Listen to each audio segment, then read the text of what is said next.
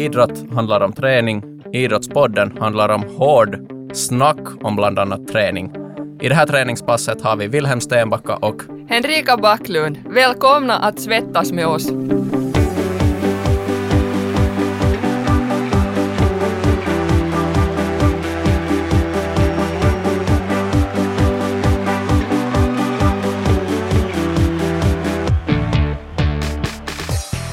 Senast har vi behandla en het potatis i form av rättvisa och könsfördelning inom idrott med Sara Norgran. Vi fortsätter på heta potatisar även idag. Eh, uh, Kalervo Ilmanen, numera pensionerad legendarisk profil på idrottsvetenskapliga fakulteten i Jyväskylä universitet, har en gång åt mig för fyra år sedan uttryckt sig så här. Endast en bråkdel av alla maratonlöpare löper maraton. Löper man långsammare än 2.48 så har man lunka maratonen. Det är inte någon löpning, det är frågan om länkande bara. Det här är ett påstående som ganska många, i alla fall i dagsläget, skulle reagera på. 2.48 är nämligen en tid som eh, på kilometerfarten motsvarar 3000 meters Cooper-resultat. Det som räddade mig i situationen var kanske det att jag hade just några veckor innan sprungit på 2.47 och 40 ungefär. Wow. Kalervo Ilmanen var min gradu uh, handledare och vi, vi diskuterade löpning ett flertal gånger för att Kalervo hade sin bakgrund i många sporter.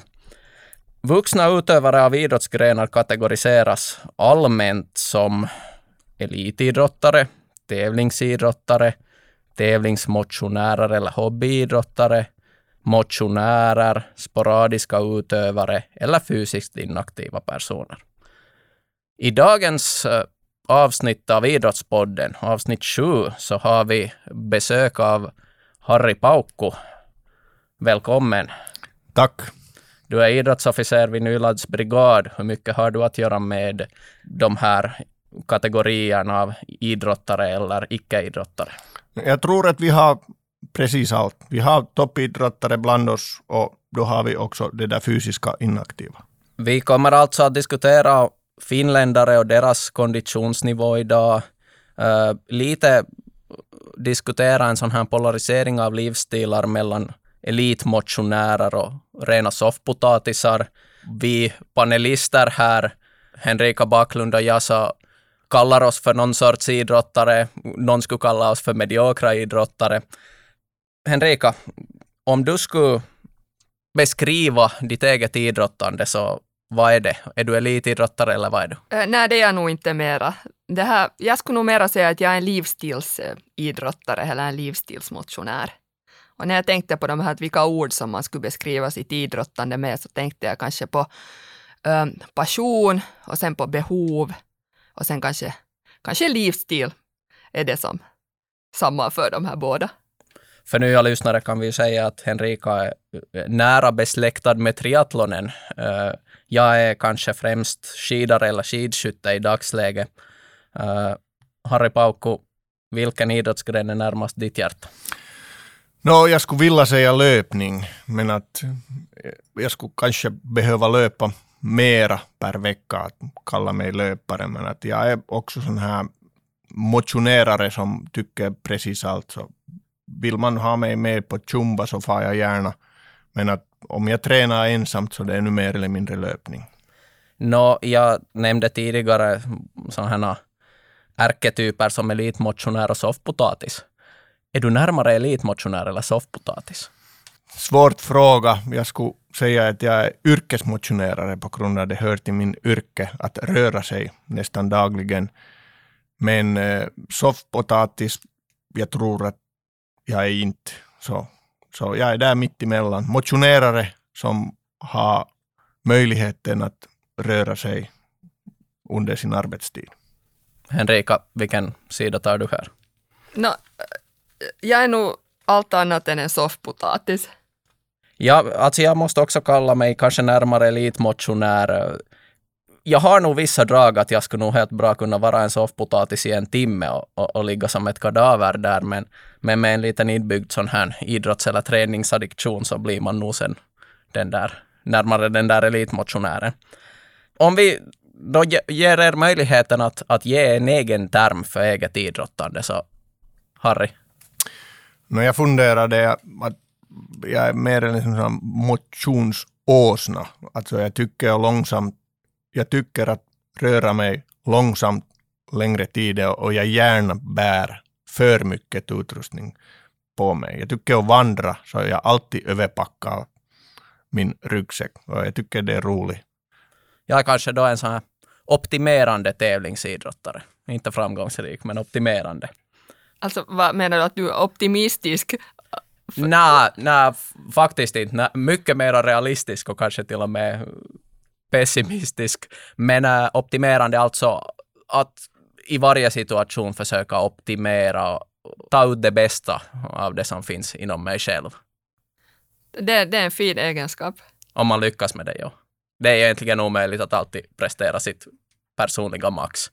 Tänk efter, ingen gör alltid maxet. Men hör du, Henrika, du har förberett någon sorts eh, Uppvärmning någon sorts sån här duell där, där du lägger mig och Harry nu på någon sorts obekvämhetszon att, att tävla om någonting. Ja, det, här är inte, det här är inte alls obekvämt. Det här är bara uppvärmningen och det är duellen.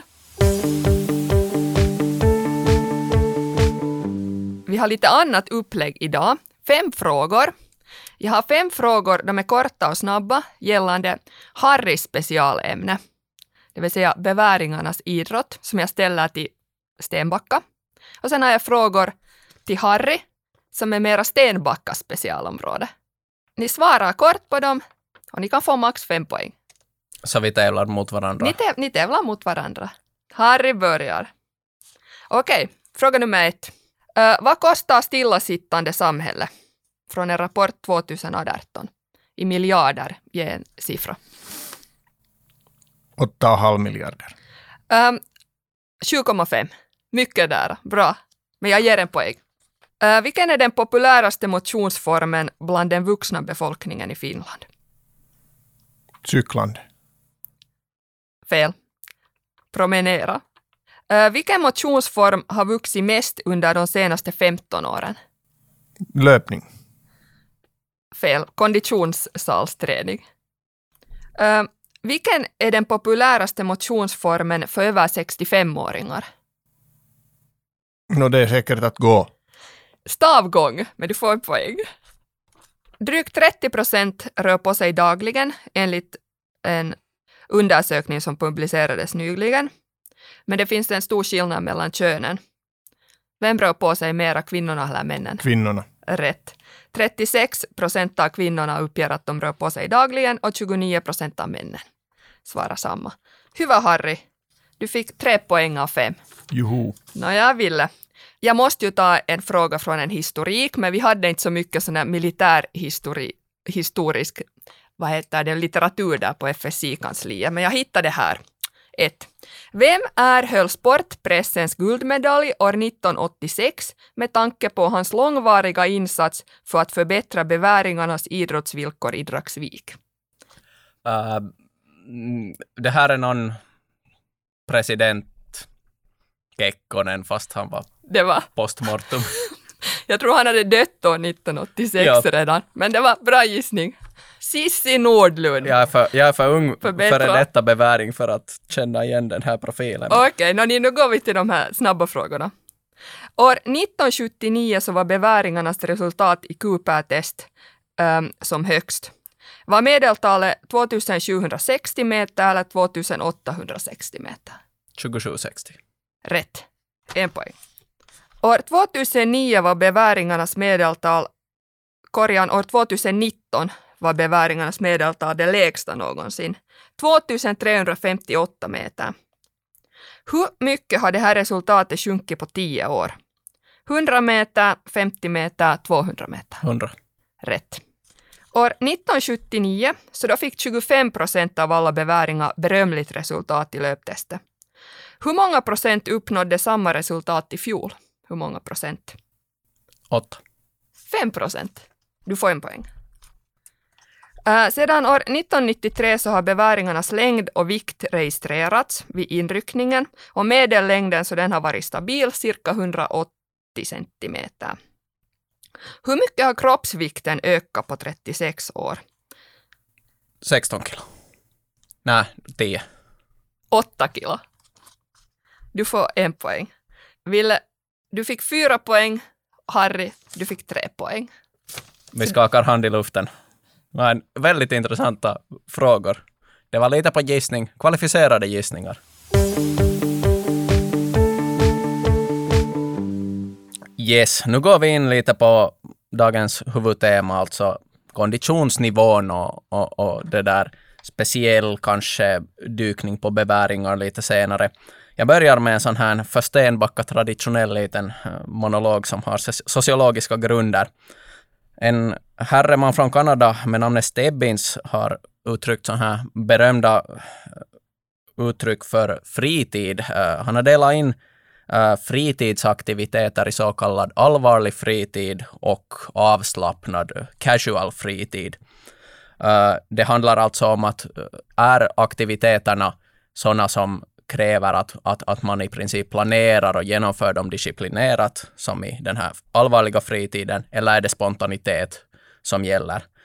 Man kan ju säga att, att många idrottsgrenar, bland annat löpningen, är mycket sån här eh, projektartad och disciplinerat, någonting som har en plan, en början och ett slut och tydlig, tydlig liksom tanke bakom Uh, vissa idrottsgrenar har kanske lite av det här hedonistiska draget, att man njuter av det, man far ut och, och, och, och rider uh, åkturen helt enkelt.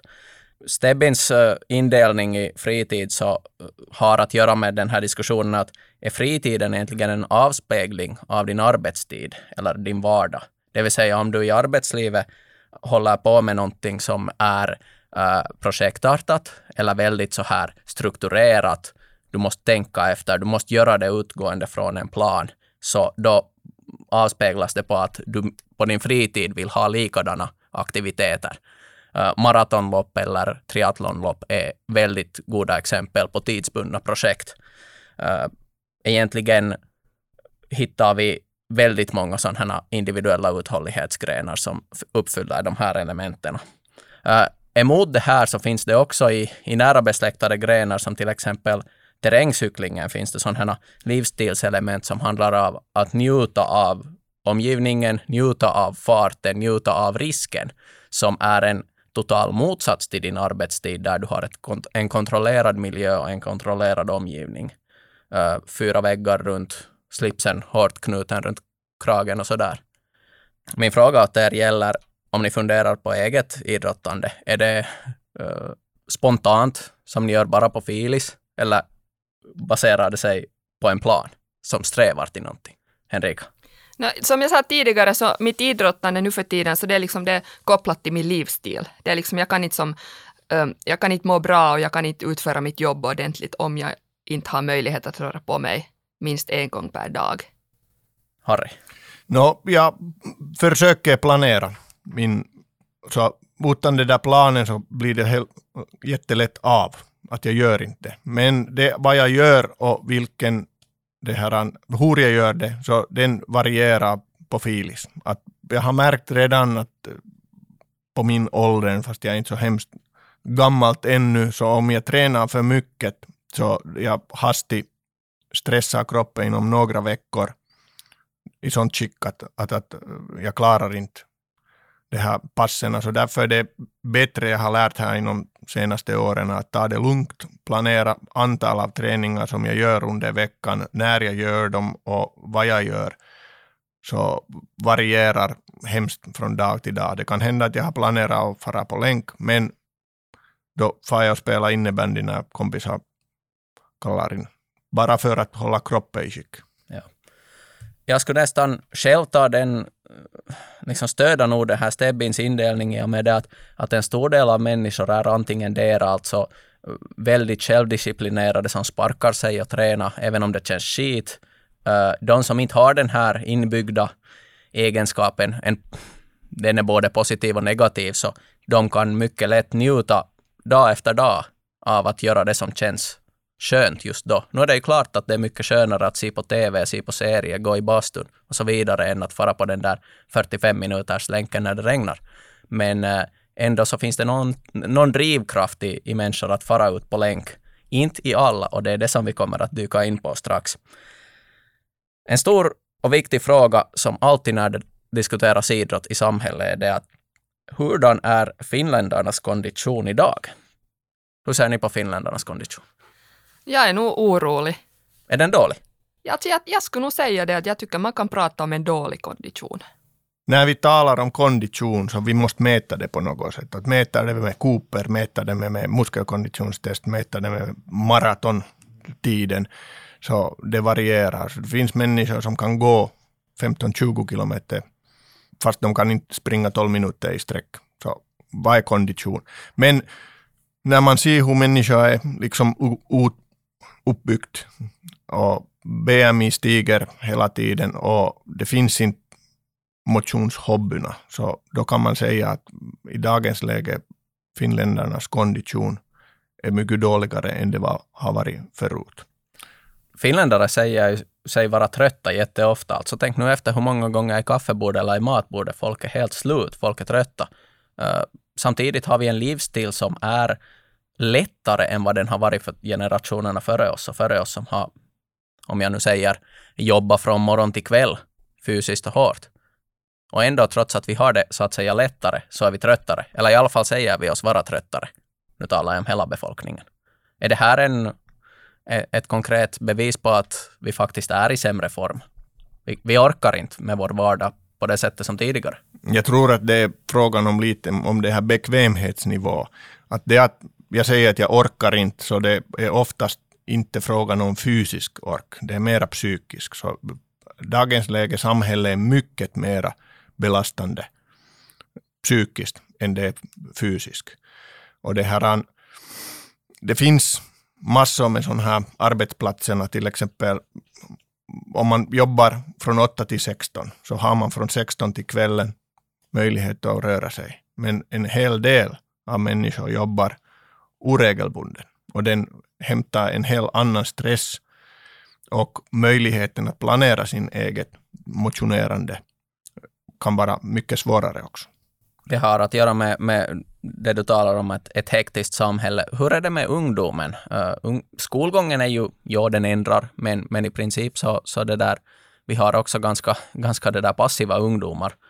Skapar, skapar den här passiva ungdomen också passiv, passiva blivande vuxna? Absolut. Alltså, den som vi se, ser i, i Försvarsmakten är just den att när det här 19-20-åringar pojkar och flickor kommer till oss så, så de är hela tiden dåligare och dåligare kondition. Och den är inte bara den där kondition som jag är, är, är orolig över. Vi talar om motorik.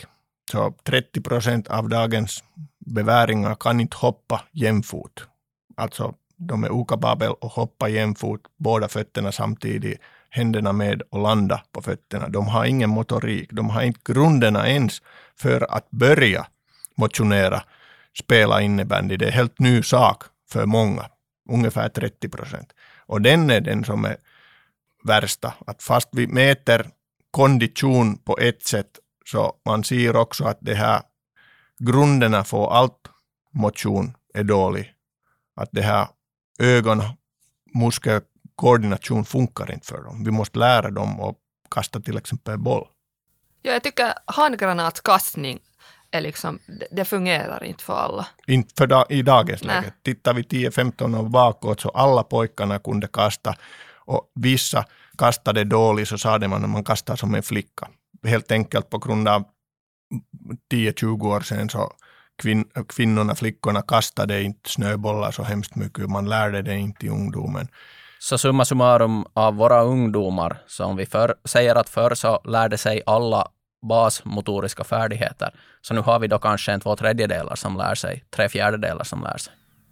Precis, att vi håller på att lära liksom grunderna för rörande för dem. Det, när de är 19-20 år gamla. Jag tycker det här är jätteoroväckande för du ska ju som när du är barn ska du lära dig de här motoriska färdigheterna. Absolut. Du kan inte göra det sen mera i vuxen ålder. Det...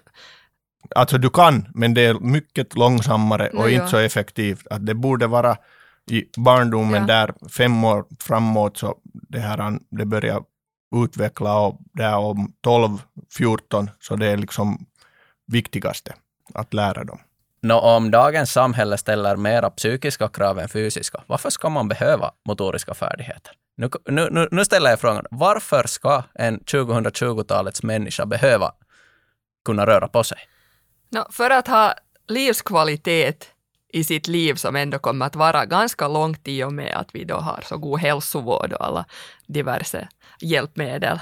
Men om du njuter av att vara hemma och vara på, på, på den där screenen, om det är det som ger dig, då är liksom uh, den här, då får du inte livskvalitet av att röra på dig. Du får livskvalitet för dig själv som betyder någonting för dig själv av att vara där hemma på den där screenen. Men jag, jag är helt övertygad om att det är inte en god livskvalitet att vara konstant trött och på dåligt humör och överviktig och så vidare. Jag vet att du försöker provocera, men nu får man en bra feeling som den att man dricker sig ihjäl, är liksom berusad. Det är inte god livskvalitet. Från droger får man en bra filis det här för en stund och den är inte bra livskvalitet. Så jag tycker att som samhälle så vi borde inte släppa människor och göra sådana saker som Eh, förhindrar dem deras liksom god livskvalitet. Det borde begränsas eller rådgivas eller hjälpas att vi skulle få människor att motionera istället för att sitta framför tvn. Varför sitter de framför tvn eller dator? På grund av normal behov för människa är sådana här hormonerna som dopamin, serotonin motsvarande. För tillfället motion, idrott förlorar 100-0 till virtuella.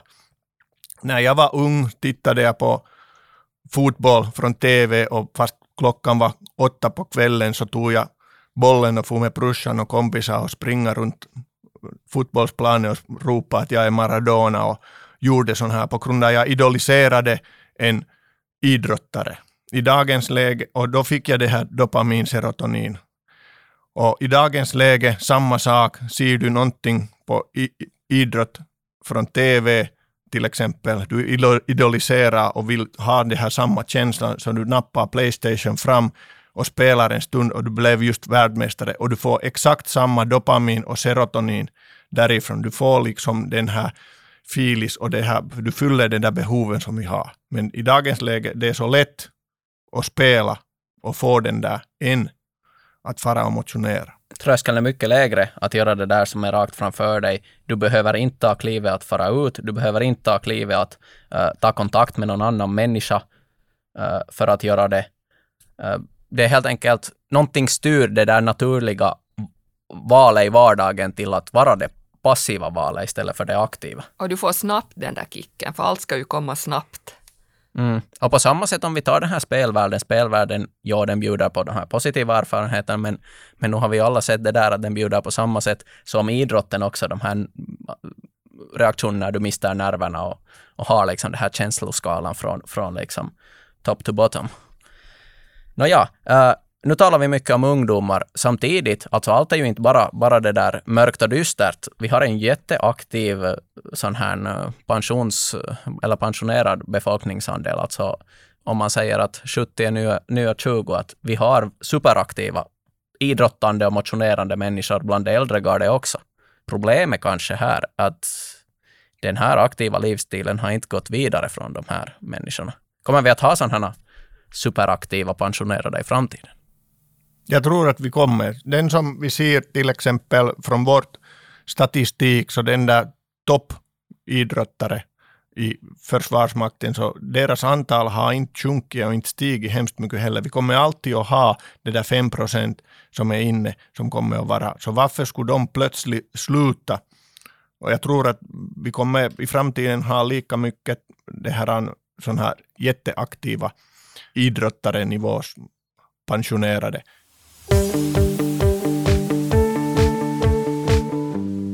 Vi kan dyka in på det här med Försvarsmakten. Eh, beväringarna utgör en grovt sagt 50 procent av en årskull, så därför kan man ju betrakta beväringarna som en ganska bra sån här avspegling av samhället. Eh, du sa Harry just att, att vi har ett litet segment uh, elitidrottare och tävlingsidrottare bland beväringarna, men du beskrev att dagens beväring är fysiskt mindre, inte begåvad, men mindre utvecklad än under tidigare generationer. Hur skulle du beskriva beväringarna som helhet och deras kondition? Alltså hurdana grupper hittar du inom beväringarna? No, den som är jättepositiv bland beväringar, så det är bara en liten del som vill inte röra. Som, samma som kanske har varit alltid. Vi sätter dem att röra, ja det är fysiskt tungt. Men fysisk belastning, fysisk det här obekvämhet så ändrar till någonting annat. Den, de som har idrottat längre tiden vet att det att man blir andfådd, det är att man svettar, så den där känslan är inte negativt.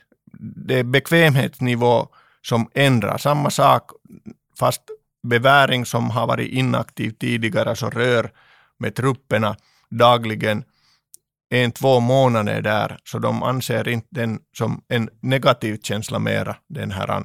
Tvärtom, de blir, får mera angsterna från den att de slipper inte att göra någonting. Hellre gör de. Men det att vi till exempel höjer kondition på en massa människor på sex månaders tid, så det är bara början och vi hoppas just det att vi får dem att röra så pass mycket att de förstår att den här fysisk obekvämhet, så det är inte negativt känsla, att det är tvärtom positivt känsla, då kommer den där en av hormonerna endorfin till och med där på köpet och kanske fortsätter det där rörande. Erika, du har också erfarenhet av beväringar och konditionen, så undertecknar du det här?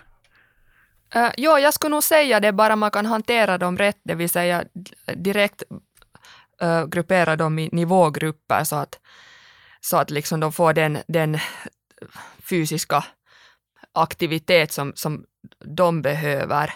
Mest skrämmande tycker jag var det här liksom när man har de där första Cooper-testen och, och de blir som rädda av att uh, bli andfådda. Att det verkar som att jättemånga så har inte liksom aldrig utsatt sig för något sånt här ens liksom mera krävande fysiskt arbete. Man har aldrig varit på en maximaltest tidigare.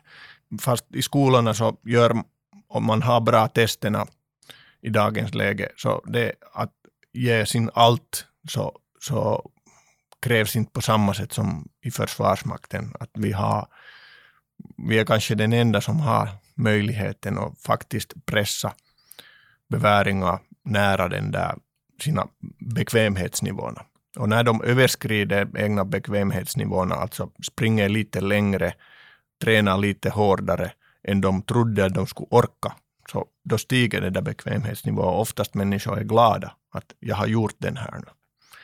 Bra exempel är den här våra, varje kontingent har vi en barettmarsch som är 24 timmar fysisk ansträngning. Man går oftast 60 75 kilometer med utrustning med alla möjliga uppgifterna däremellan. Så fast man är dålig kondition, så att säga enligt våra statistik, så många klarar den där testen bara att pressa. Och jag har gått ett par gånger den där själva marschen och jag kan säga att fast man har bra kondition, det tar fortfarande ont det är för långt. Så den, den är liksom den där positiv sak som jag har märkt att efter vi har fått beväringar och röra, så det är ingen skillnad vilken deras konditionsnivå är, så det stiger och det här, därför, därefter de kanske gärna vill jag. Jag tycker att det viktigaste när jag var som utbildare så var att lära dem, den här enskilda individen det att man klarar av mycket mer än vad man tror. Och inser de det här så då har de liksom för hela livet någonting att, att liksom ta vara på. Och utmana sig själv. Ja. Utmana sig själv fysiskt. Man borde dagligen utmana sig själv. Så när vi har diskuterat med arbetskompisar om det här så, så, så jag tycker att man borde utmana sig själv varje dag. Ja, att göra någonting som man kanske vill inte. Om man får sig fast på den att jag vill inte, så därefter borde man faktiskt göra det det handlar om att hoppa ut ur den här bekvämhetszonen och det är ju sant att alltid när man har klarat en obekväm eller lite, lite spännande utmaning så känner man sig lite stolt efteråt. Eh, försvarsmakten, jag minns från egen tid, så faktiskt är en av de få institutioner som erbjuder morötter. Alltså, far du på, på kvällsledigheten på länk så får du en anteckning, eh, samla på anteckningar får du en, en permissionsdag. Det finns en tydlig morot där. Eh, egentligen har vi inga andra institutioner som belönar för fysisk aktivitet. Om ni tänker på skola eller på studieinstitutioner, arbetsplatser och så där. Hur många belönar eh, sina medlemmar på riktigt för aktivitet? Det faktiskt finns några. Att vissa firmorna hade det när, när det kom det här Kiku, så de riktade det där Kiku just för, för det där funktionsförmåga, för, för motion och sånt. Och många har forskat och sett det också att det, hur mycket man rör så speglar direkt till den att hur mycket har man det här sjukfrånvarodagar. Produktivitetsfunktionen i praktiken. Precis. Det är lätt för oss att säga i den här studien att vi borde ha sådana här institutioner som halvt tvingar människor, unga eller, eller det där vuxenbefolkningen att röra på sig. Men det där, eh, hur ska man kunna förverkliga det? Hur ska man faktiskt kunna införa sådana mekanismer att gäng tvingas röra på sig i sin vardag? Eh, Bra gymnastiklärare i skolorna. Men jag tycker inte att använda det där ord tvingande. Vi borde locka mera människor att göra det och då menar det att det måste finnas chanserna. Så när jag var ung, så vi hade klubbar och motionsplatserna hur mycket som helst. Det finns inte i dagens läge. Allt kostar. Det är kostnadsfråga för kommunerna och städerna att ha klubbar här och där. Den som jag tycker vi borde ha mera är för unga möjligheten att motionera och ha sådana här klubbar var de kan motionera. Och det ska inte vara i början något elitsportande, det ska vara motion. Det har kommit sådana här motionerna, ähm, motioneringssätten som, som fanns inte när jag var ung, som parkour motsvarande, som intresserar äh, ung folk. Och jag bara skejtade när jag var ung. Du är född på 70-talet.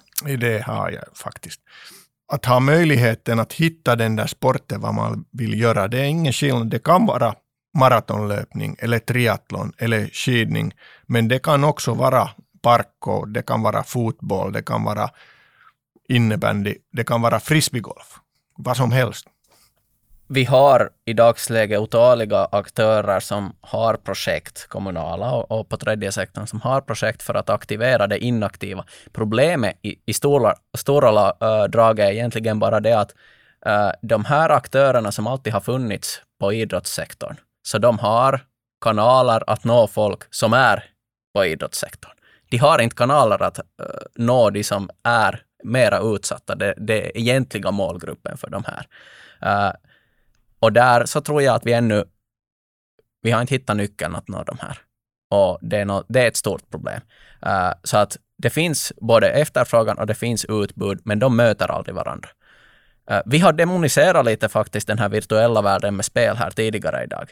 Många anser att lösningen finns i att kombinera det virtuella med det fysiskt aktiva. Pokémon Go, ett bra exempel några år sedan, blev årets eh, vården liikuntateko årets motionsgärning eller vad det heter. Uh, är det här en framtida lösning? Jag tycker att jo, alltså om man hittar motsvarande system, om man tycker att vara i virtuella och det får människor att röra mera än normalt, så det, det, det är positivt sak. Geocaching som jag håller på själv, så det är jätteintressant att när man får besöka någon andra städerna så tar man den fram och tänker att okej, okay, att Vidalla tre, fyra kilometer ditåt, så där hittar jag till exempel sån här. Men det får inte fara för långt heller. Pokémon Go's största nackdel var den att då människor sprang i trafiken med ögonen i skärmen. Mm.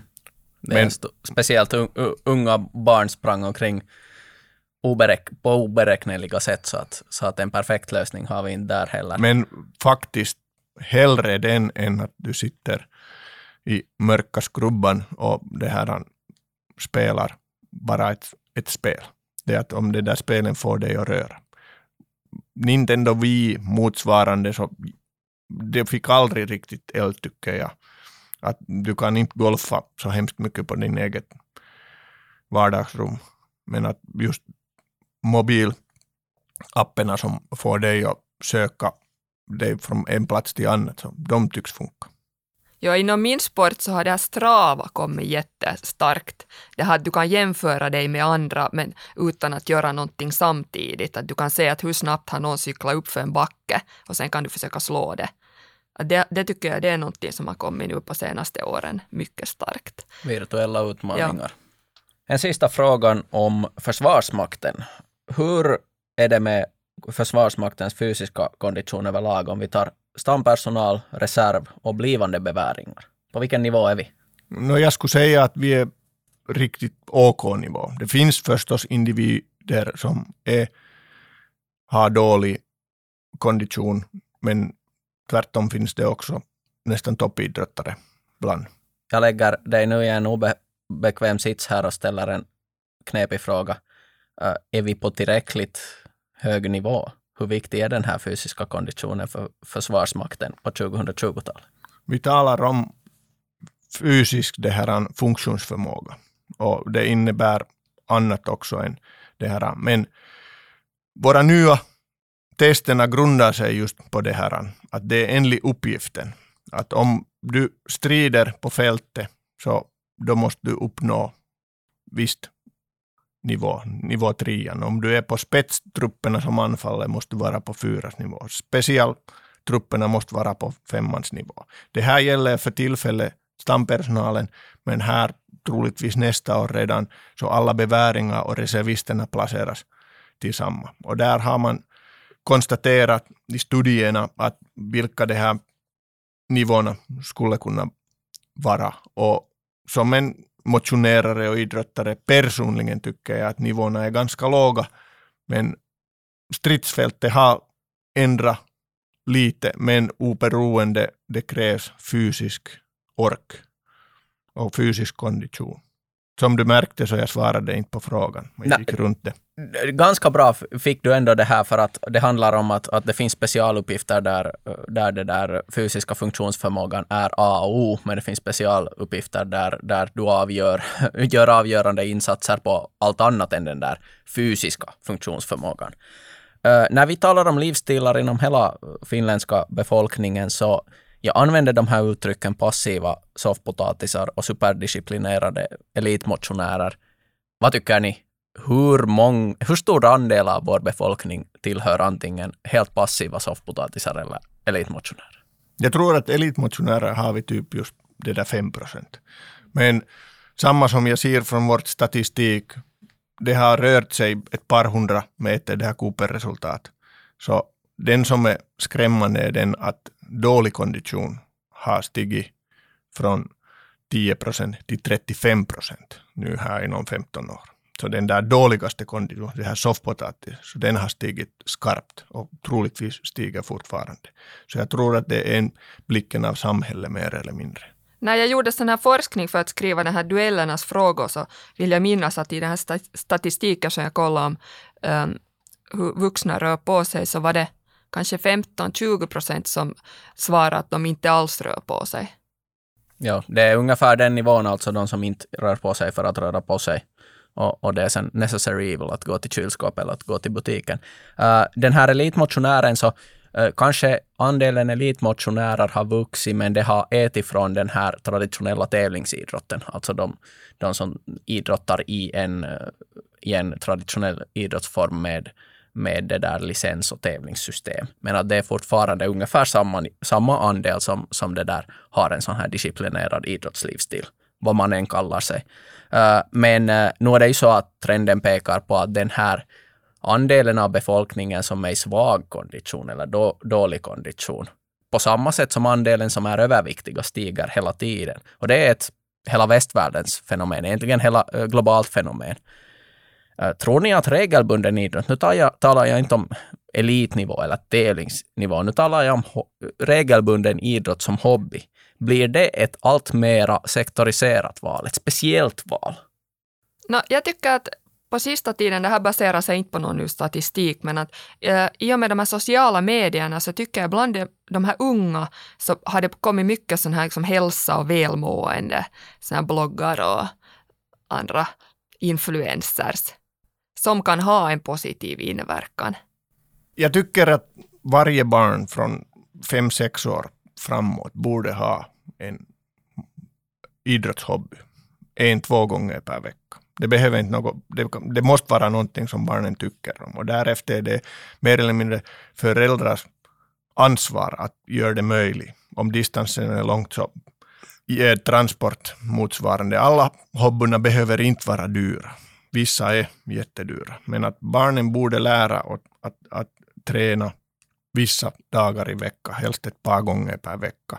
På grund av då blir det en livsvana.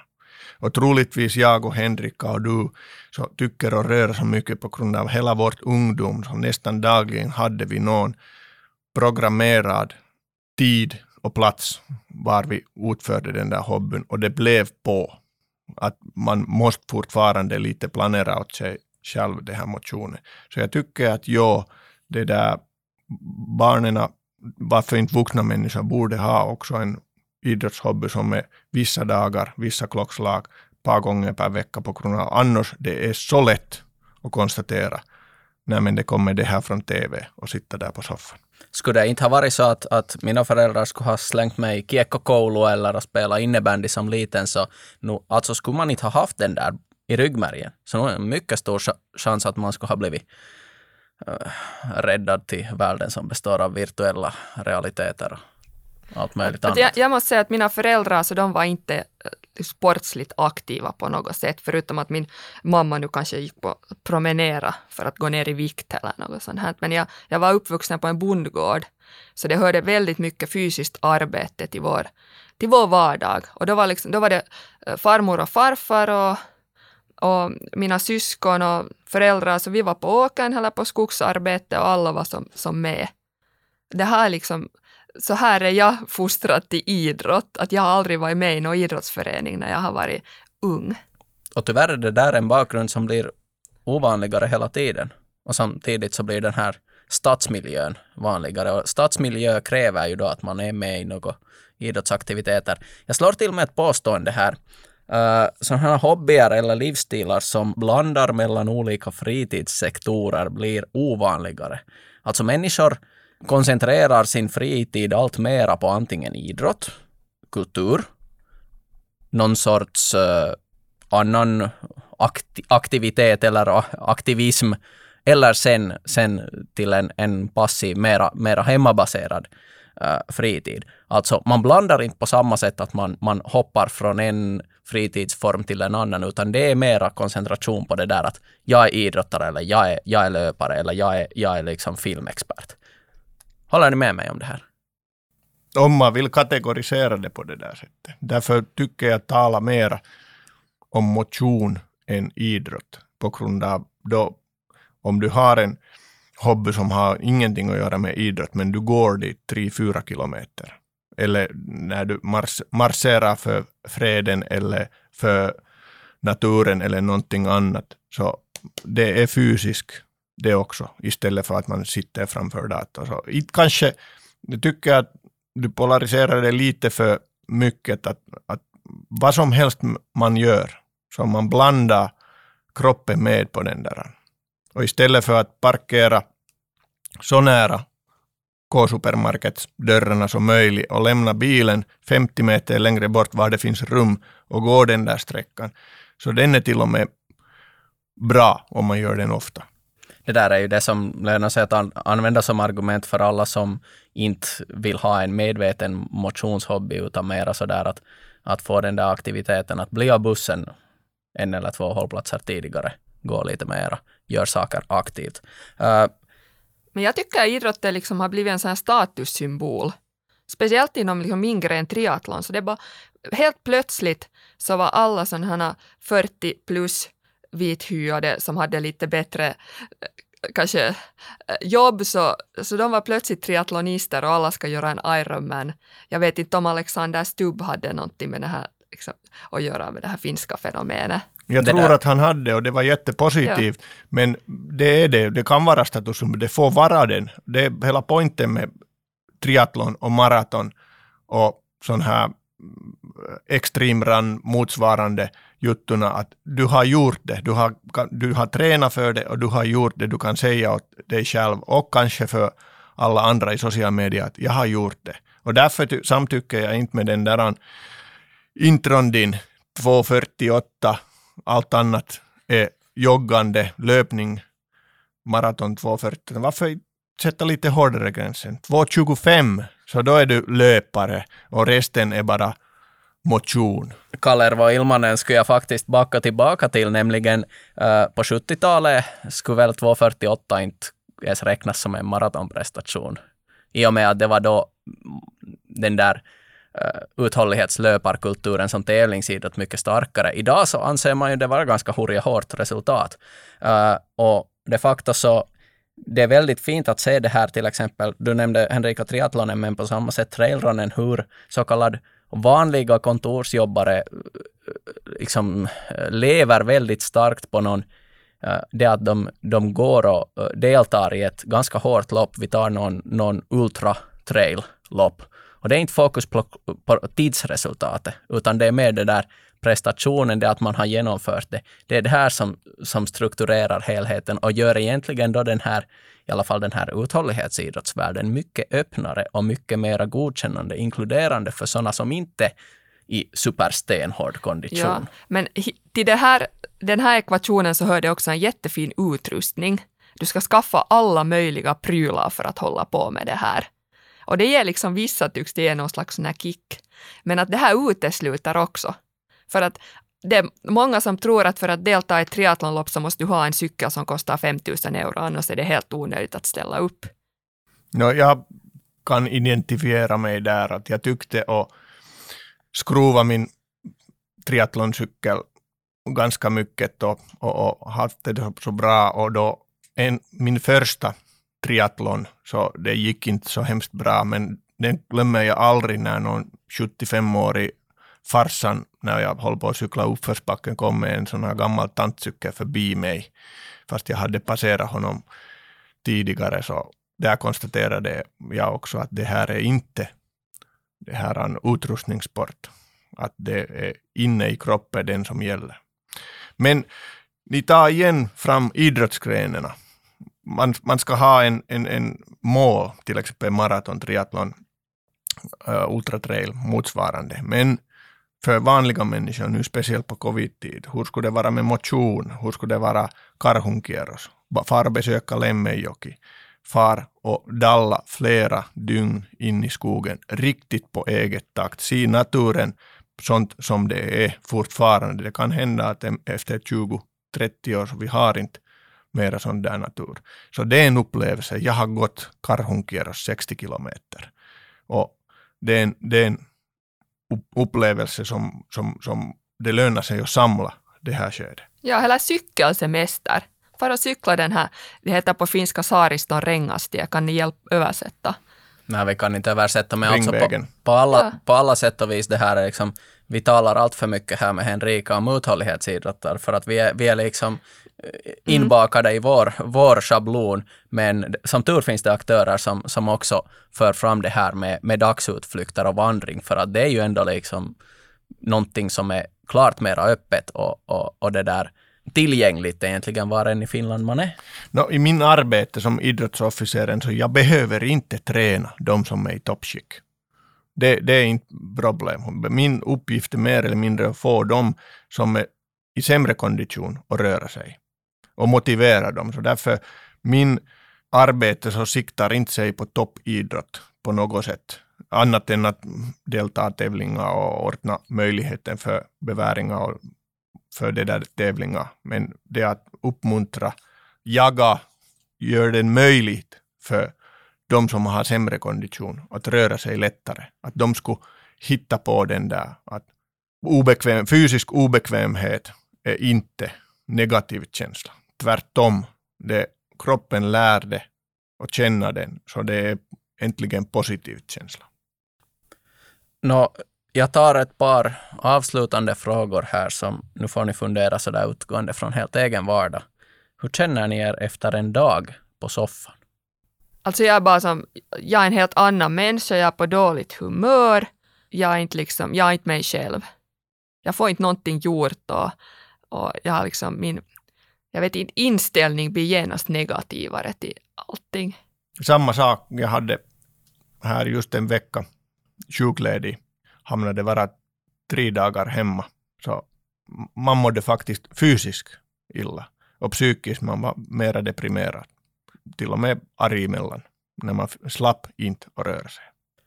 Jag har en sån inbyggd mekanism att efter tre eller max fyra timmar inne så jag måste gå ut och gå eller jag måste börja planka och göra magmuskler. Äh, på ett sätt så äh, irriterar det mig men nu är jag också tacksam för att jag har den för att det, det, liksom, det är en inbyggd sån här sparkare som lägger mig igång. Uh, hur är det med er egen vardag? Tänk nu, tänk nu riktigt på vardagen eller på ett veckoslut. Uh, har ni någon sorts projekt eller plan alltid? Eller klarar ni av att också spendera en lördag rent spontant? Jag tycker nu när man har små barn, så man kan inte mera riktigt planera så där enligt, enligt sina egna behov och, och vad man vill göra, utan det är nog liksom barnen som styr ens vardag och speciellt veckoslut nu för tiden, så det är nog liksom på, på familjens villkor. Men det utesluter ju inte på något vis att det inte liksom kan vara aktiv tid.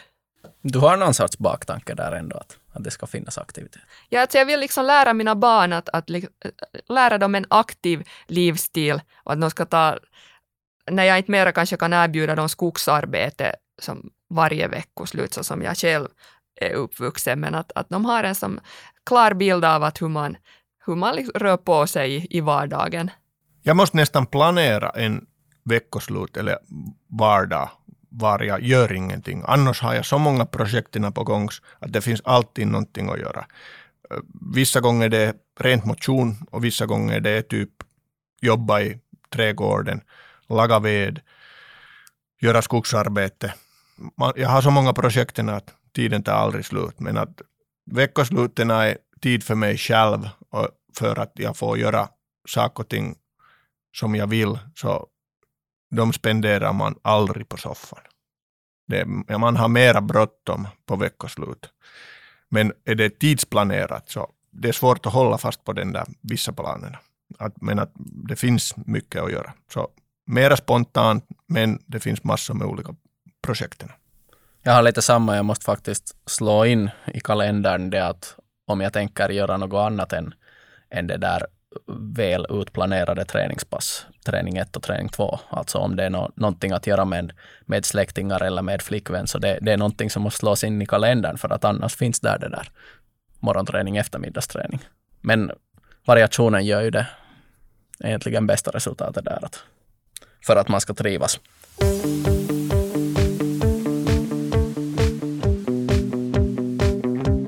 Tack Harry Paukko för ditt medverkande i vår diskussion om, om den fysiska konditionen. Tack Henrika, tack för min del. Uh, har du något avslutande hårda, hårda ord, Harry? Tack att jag fick vara med. I avsnitt åtta kommer vi att tackla det här uh, idrotten och hur median och medians synlighet kan påverka idrottens utveckling. Har du Henrika något sånt här jo, intressanta? Äh, nej, jag tycker det mest intressanta är att vi, vi har igen en gäst, kanske en av mina favoritredaktörer. Han är sportjournalist på Hufvudstadsbladet, Markus Lindqvist.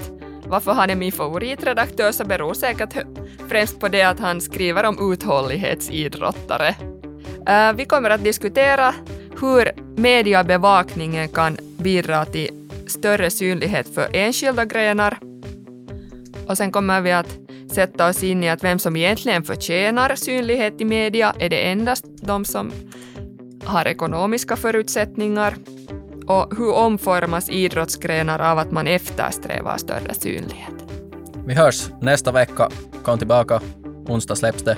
Var hittar vi Henrika information om Idrottspodden? Idrott.fi. Och vill ni ta kontakt med oss? Idrottspodden at idrott